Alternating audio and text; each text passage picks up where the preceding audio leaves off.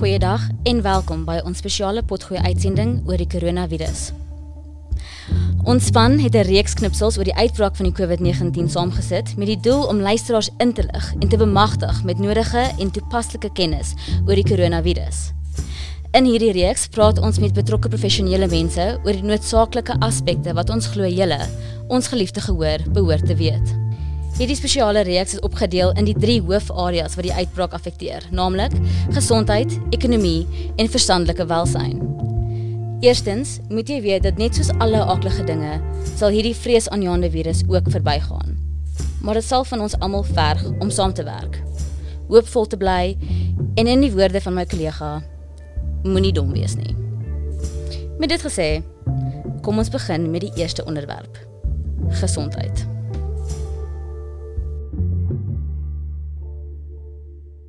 Ons gas, Dr. Theresa de Tooy Etzebeth, is ons inspirerende en hardwerkende rolmodel in hierdie gesprek. Sy is 'n algemene praktisyn wat al vir menige jare in Centurion uit haar privaat praktyk praktiseer, Practice on Saxby. Met die uitbraak van die COVID-19 virus en in samewerking met Lancet Laboratoriums, het sy 'n tipe van 'n drive-through corona toetsstasie op die sypaadjie van haar praktyk begin om die mense in die area te help en paniek te demp met die oorhoofse hoop om antwoorde aan haar pasiënte te verskaf. Sansu beweer dat jy 100 gevegte sal wen as jy jouself en jou vyand verstaan. En met dit gesê, rig ons ons aandag op ons huidige vyand, die corona COVID-19 virus. 'n Virus is 'n mikroorganisme, net soos bakterieë, wat ons menslike liggame invaar, aantas en siek maak. Nee! Maar wat is die groot verskil tussen bakterieële infeksies en virale infeksies? So bakterieë leef saam met ons. En nie alle bakterieë is vir ons lewensbedreigend of gevaarlik nie. En nie almal maak ons siek nie. Maar as 'n virus of as 'n bakterie jou siek maak, moet jy antibiotika kry. Maar met virusse wat 'n kleiner partikel is, moet jou liggaam selfimmuniteit hê om dit te kan beveg. Ons liggame moet met ander woorde klein vegsoldaatjies selletjies produseer. Die mediese terme vir hierdie soldaatjies is antiliggame om self van virusse ontslae te raak. Maar wat maak die koronavirus dan anders dat dit vir ons so gevaarlik en 'n bedreiging inhou? Koronavirus is vir 'n lang tyd saam met ons, maar hierdie is 'n nuwe, totale nuwe virus. En dit is wat dit die novel koronavirus maak of die novel COVID-19 want geen persoon op aarde was ooit voorheen aan dit blootgestel nie. Jep. Die wêreld is op hierdie oomblik besig om deur 'n geskiedkundige gebeurtenis te gaan, want nog nooit vantevore het een enkele persoon hierdie virus ervaar nie. Wat presies beteken dit vir ons? Daar is geen medikasie nie en jy is afhanklik van jou eie liggaamsimmuniteit om hierdie virus te beveg. COVID-19 het die wêreld op hol gejaag as die onbekende vyand. Hoe beklei ons iets wat nie aan ons bekend is nie? En waarvoor moet ons uitkyk? Ons moet inlig en ons moet probeer om die virus te bekamp. Kennis is krag. Deur ons self bewus te maak van die gevare van die virus, kan ons die verspreiding daarvan voorkom. Na blootstelling begin die simptome gewoonlik tussen 2 en 9 dae. Kom ons maak 'n gemiddeld van 5. Maar jy moet verstaan dat elke individu anders is. Elke persoon se immuunstelsel is anders. En die simptome kan totaal asymptomaties wees. Asymptomaties. Woordeskat les vir die dag. 'n Mediese term om iemand te beskryf wie geen simptome wat geassosieer word met 'n sekere siekte toon nie. Dit is die probleem waarmee ons sit dat daar asymptomatiese mense kan wees pasiënte met bietjie simptome van 'n seer keel en dan pasiënte wat begin respiratoriese nood ontwikkel. In die geval dat die COVID-19 virus nie asymptomaties in iemand vertoon nie, watter spesifieke simptome moet ek bewus van wees? Die koronavirus ehm um, se simptome kan 'n mens maar miskien 'n bietjie in twee verdeel, sê maar 2 weke. Die eerste week is gewoonlik die seer keel en die ongemak en die koors. En die tweede week begin dit meer afgaan en die borssimptome veroorsaak soos ehm um, benoudheid en die droë hoes. Dit beteken dat daar 'n kans is dat jy alreeds in aanraking met iemand gekom het wat 'n draer van die COVID-19 virus is of dat jy reeds die virus opgedoen het sonder dat jy eens bewus is daarvan. So die virus is baie makliker draagbaar en dit is juis die probleem waarmee ons sit. Ehm um, enige kontak, druppeltjie besmetting, dit is so maklik. So as jy siek is, asseblief dra jy die masker en laat jou asseblief op 'n ander plek of waar dit 'n bietjie geïsoleer is laat toets sodat jy nie ehm um, jouself aan ander mense blootstel nie. En soos hulle sê, voorkoming is beter as genesing. Die eerste belangrike ding om te onthou. Hande was is baie belangrik nie net vir die virus nie, maar ook vir ander bakterieële infeksies soos gastroenteritisse. So ek dink dit is vir die wêreld belangrik om van nou af almekaar in goed hande te was van selfsprekende etiket, dink jy dalk? Ons moet so gou as moontlik probeer om die virus te bekamp, onsself te isoleer en dan self te kyk. Maar hoekom is dit van uiterste belang veral in Suid-Afrika? Ons groot probleem is natuurlik ook ons publieke vervoer en dat ehm um, die meeste van ons bevolking is afhanklik van elke dag se werk. Hulle moet inkom om te werk om hulle brood en botter te verdien. En dis 'n massiewe probleem die publieke vervoer. As ons nie daadwerklik vir almal vertel van asseblief was jou hande, asseblief moenie op ander hoes nie, asseblief as jy siek is dra 'n masker of 'n serp. Asseblief gebruik 'n sneusie. Moenie in die publiek spoeg nie. Ehm um, kom by die huis en en was, bad, was jou hare, was jou klere of ten minste hang dit in die son drink gereeld water, um, probeer in die son kom, um, eet gezond, al die dinge om jou eie lichaamsimmuniteit te verbeter en om jouself en ander te beskerm. Dit klink vir my asof die goeie dokter ons nou net herinner aan al die dinge wat ons dierbare ouers ons geleer het as kinders. Persoonlike higiëne, goeie etiket en maniere en om 'n gebalanseerde lewe te leef. Mm, dit klink min of meer hanteerbaar. Wat's volgende? ons moet alles afwas. Ehm um, die oppervlaktes ook die virus leef baie lank op enige oppervlakte. Ehm um, hy kan tot 28 dae van 9 tot 28 dae op, op, op oppervlaktes leef. Wat 'n eienaardige gedagte. Om vir 28 dae absoluut stil te sit. Aan 'n deur se handvatsel vas te klou. 'n Teller se nommer 5 knoppie te besmet 'n besitplek warm te hou, aan jou selfoon of skootrekenaarskerm vas te kleef. Die absolute geduld wat die virus uitoefen net om nog en nog en nog 'n persoon siek te maak. Alles moet miskien 'n bietjie gewas, skoon gemaak. Ons moet maar versigtig wees met wat ons in aanraking kom, selfs klere en selfs hare. So persoonlike higiëne is ook geweldig belangrik. Met ander woorde, was alles As jy dan geraak het, moet dit gewas word of ontsmet word. Van nou af, liewe luisteraars, speel ons 'n speletjie. Die vloer is lava. Die mure is lava. Jou selfoon is lava, jou hare is lava, jou gesig is lava. Alles is lava. Jy kan aan niks raak nie. Nou dat ons dit onder die knie het, wat is volgende? Om kontak te vermy.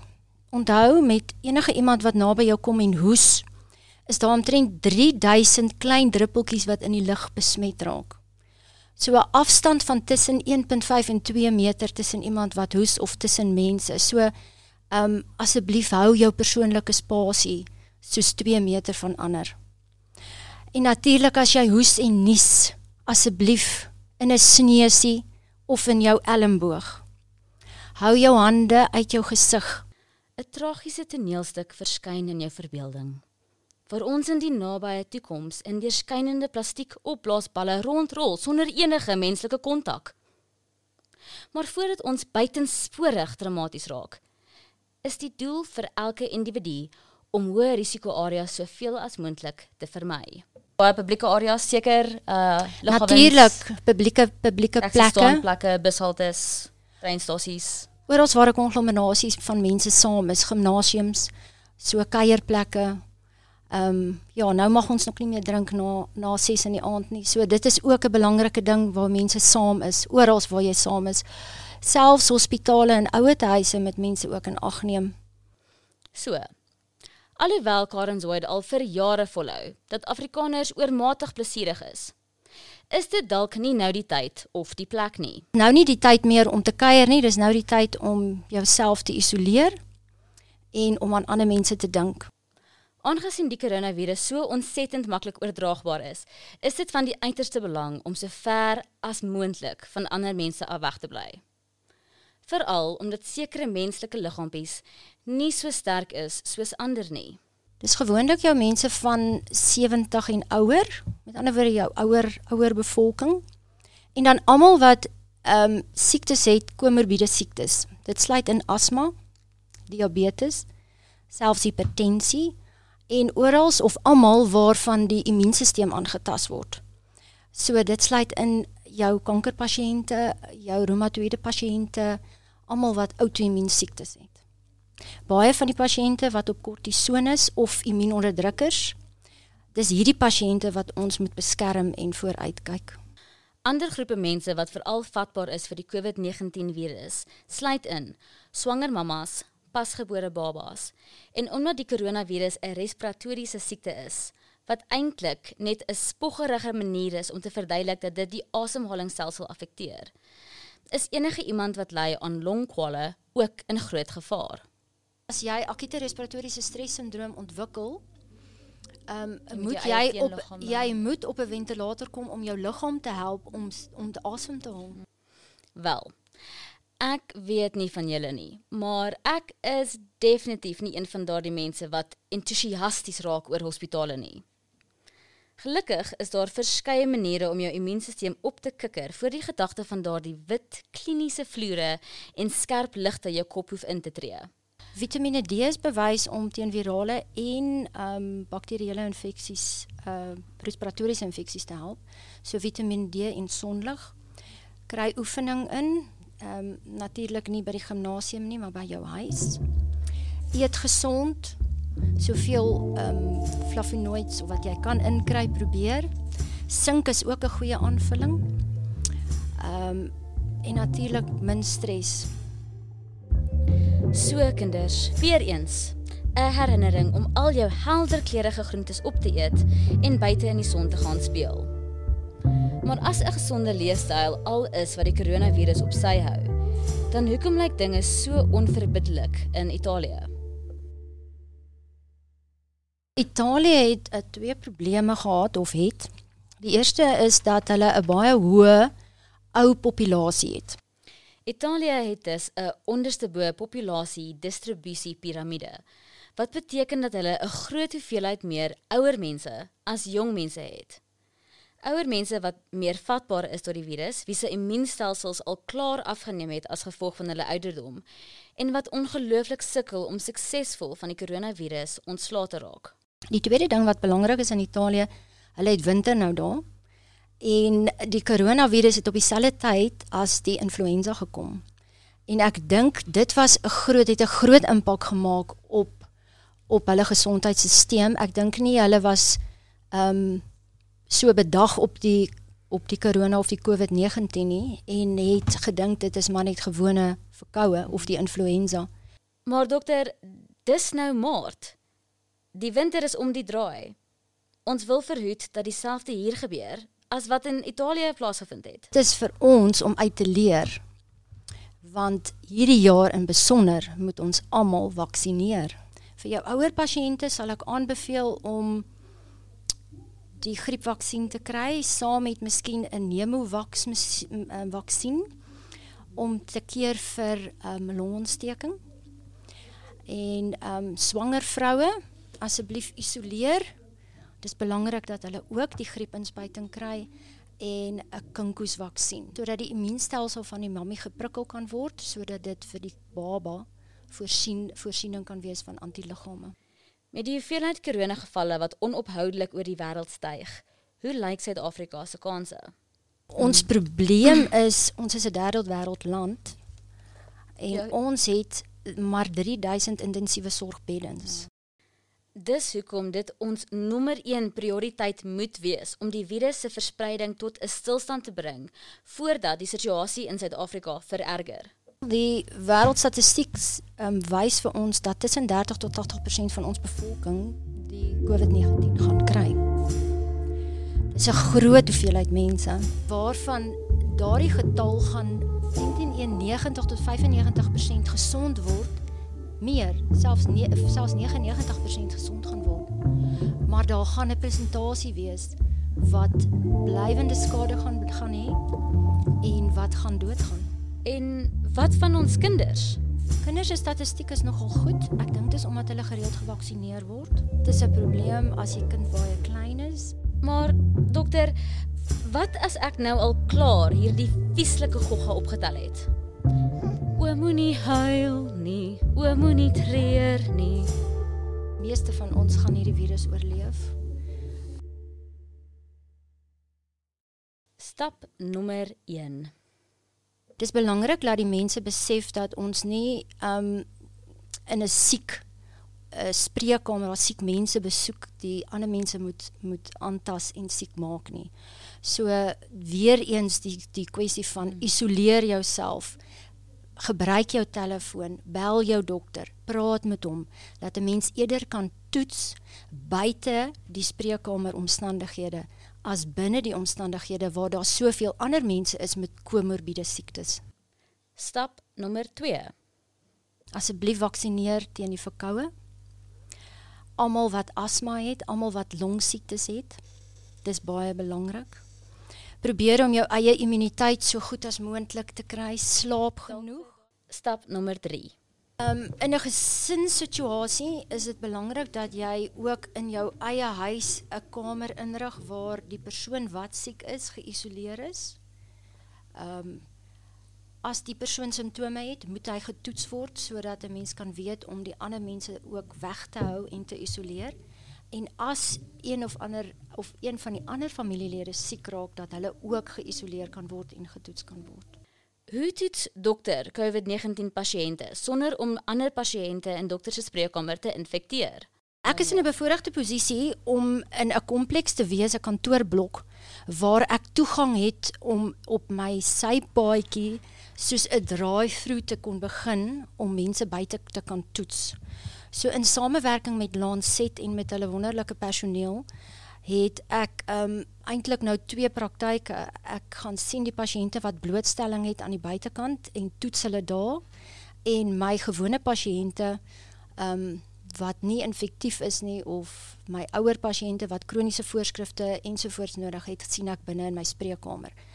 Wat is die wêreld se vooruitsig om die koronastryd te wen? Ons nou 'n wedloop om so vinnig as moontlik 'n vaksin te kry. Dwars oor die wêreld, die Israelies, die Amerikaners en die Duitsers probeer so hard as moontlik om iets te ontwikkel wat ehm um, wat ons kan kry om die koronavirus te probeer bekamp. Suid-Afrikaners, daar is donker tye wat voorlê. Dit is sonder twyfel. Ons woon en word groot en floreer in 'n beeldskone land wat al vir jare dreig om ineen te stort onder korrupsie, staatskaping, oorweldigende misdaadsyfers, beerdkrag en nog vele meer. Maar tog doen dit nie. Tog staan ons op en tog staan ons saam. Al ons ooreenkomste en verskille maak nie saak nie, want ons maak dit werk. Ons bloed is blou en rooi en swart en geel en groen en saam Suid-Afrika sal ons uit hierdie donker gat uitklim staan mekaar by, wees daar vir mekaar en kyk na mekaar. Ons is 'n land um, wat baie probleme al oorkom het en ons kan hierdie ding wen as ons almal saam staan. Weereens is ons baie dankbaar aan Dr. Teresa de Toey Etzebeth vir haar kennis en insig in verband met hierdie uitdagende saak. Dankie aan ons geliefde gehoor en dat julle die tyd neem om julleself in te lig en te bemagtig. Ons doel as Kingdom Come is om 'n konstant insiggewende en op terselfdertyd vermaaklike inligting te verskaf met hierdie spesiale episodes deur Viral Wellness. Geredigeer en opgeneem by die New Reality Atelier in Randburg, geproduseer deur Kingdom Come. Ons streef om te vermaak, op te voed, in te lig en te inspireer. My naam is Chanel de Tooi. Asseblief wees veilig en dankie vir die luister.